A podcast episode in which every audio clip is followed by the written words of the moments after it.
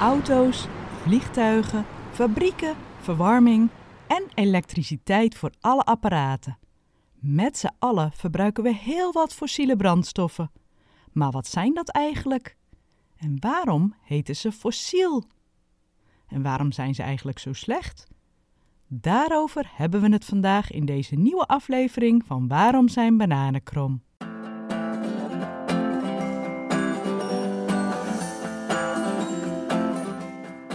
Welkom bij Waarom zijn bananen krom?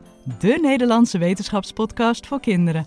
Mijn naam is Esther Walraven, ik ben wetenschapper en schrijfster van de superleuke Waarom boeken, waarin wetenschappelijke onderwerpen eenvoudig en grappig worden uitgelegd. In deze podcast krijg je in elke aflevering antwoord op een boeiende vraag. Dus zet je koptelefoon op en gaan met die banaan.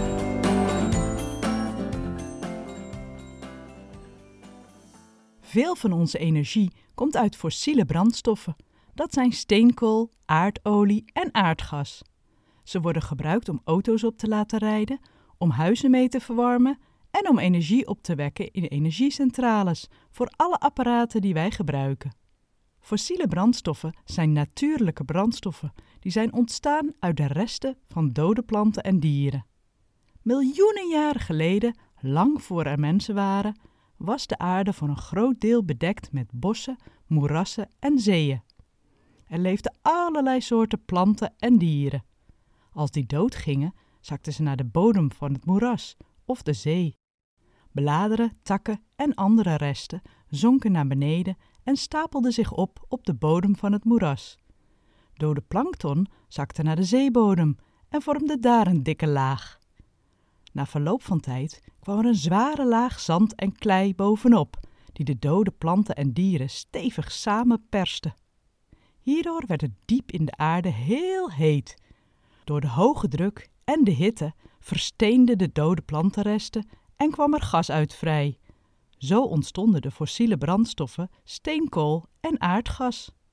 Hetzelfde gebeurde met de dode plankton op de zeebodem, dat ook bedekt werd door zand en klei, en zo langzaam veranderde in aardolie en aardgas.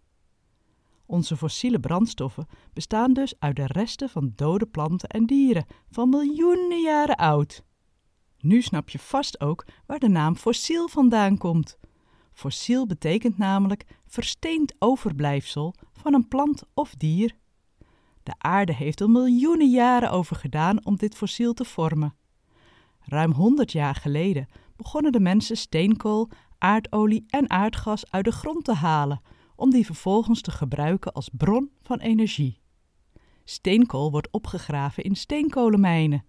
Om aardgas en aardolie te krijgen, moet er een gat geboord worden door een dikke rotslaag diep onder de grond. Het gas en de olie die daaronder zitten, worden door een pijp naar boven geleid. Door fossiele brandstoffen te verbranden kun je energie opwekken. Dit moment is nog steeds meer dan 90% van alle energie in ons land afkomstig uit fossiele brandstoffen. Ze worden werkelijk overal voor gebruikt. Maar we gebruiken zulke gigantische hoeveelheden dat we de voorraad fossiele brandstoffen er binnen een paar honderd jaar helemaal doorheen jagen. Wetenschappers denken dat de voorraad steenkool over ongeveer 200 jaar op is, als we zo doorgaan. De olie en het aardgas zijn naar verwachting zelfs al binnen één eeuw op, misschien zelfs al binnen 50 jaar. Waar de aarde miljoenen jaren nodig had om deze brandstoffen te vormen, verbranden wij het in één middag in onze auto's, fabrieken en elektriciteitscentrales. Maar dat is nog niet het grootste gevaar. Bij de verbranding van fossiele brandstoffen, vooral steenkool en aardolie, komt veel koolstofdioxide vrij, CO2. Hierdoor verandert het klimaat. CO2 zorgt er samen met methaan, lachgas, waterdamp en ozon voor dat de warmte van de zon vastgehouden wordt in de dampkring. Een beetje zoals in een broeikas. Dit wordt daarom ook wel het broeikaseffect genoemd. CO2 en de andere stoffen zijn broeikasgassen.